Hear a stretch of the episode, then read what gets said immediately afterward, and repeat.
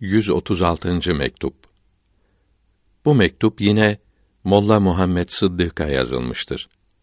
İşleri sonraya bırakmanın ve maksada kavuşmak için çalışmayı geciktirmenin zararlı olduğu bildirilmektedir.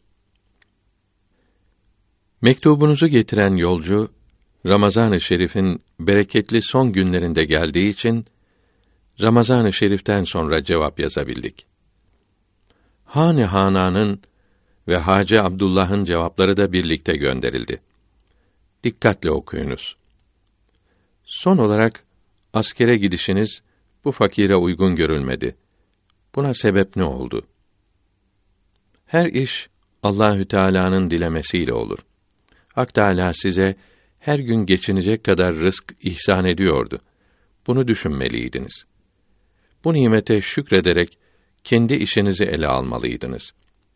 Bugünkü rızkı ilerideki günlerin rızkı için vesile etmemeliydiniz. Bunun sonu gelmez. Çok ilerisini düşünmek bu yolda küfür sayılır. Ödünç almaktan kurtulmanız için hacegiğinin bir yol gösterip göstermeyeceği bilinmiyor. Bunda şüpheniz varsa hacegiye açıkça yazınız. O da size açıkça cevap yazar. Sağlam söz verirse bu niyetle gidersiniz.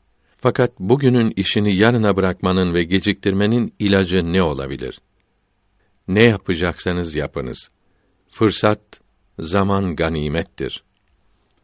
Binlerce top ve tüfek yapamaz asla gözyaşının seher vakti yaptığını. Düşman kaçıran süngüleri çok defa toz gibi yapar bir müminin duası.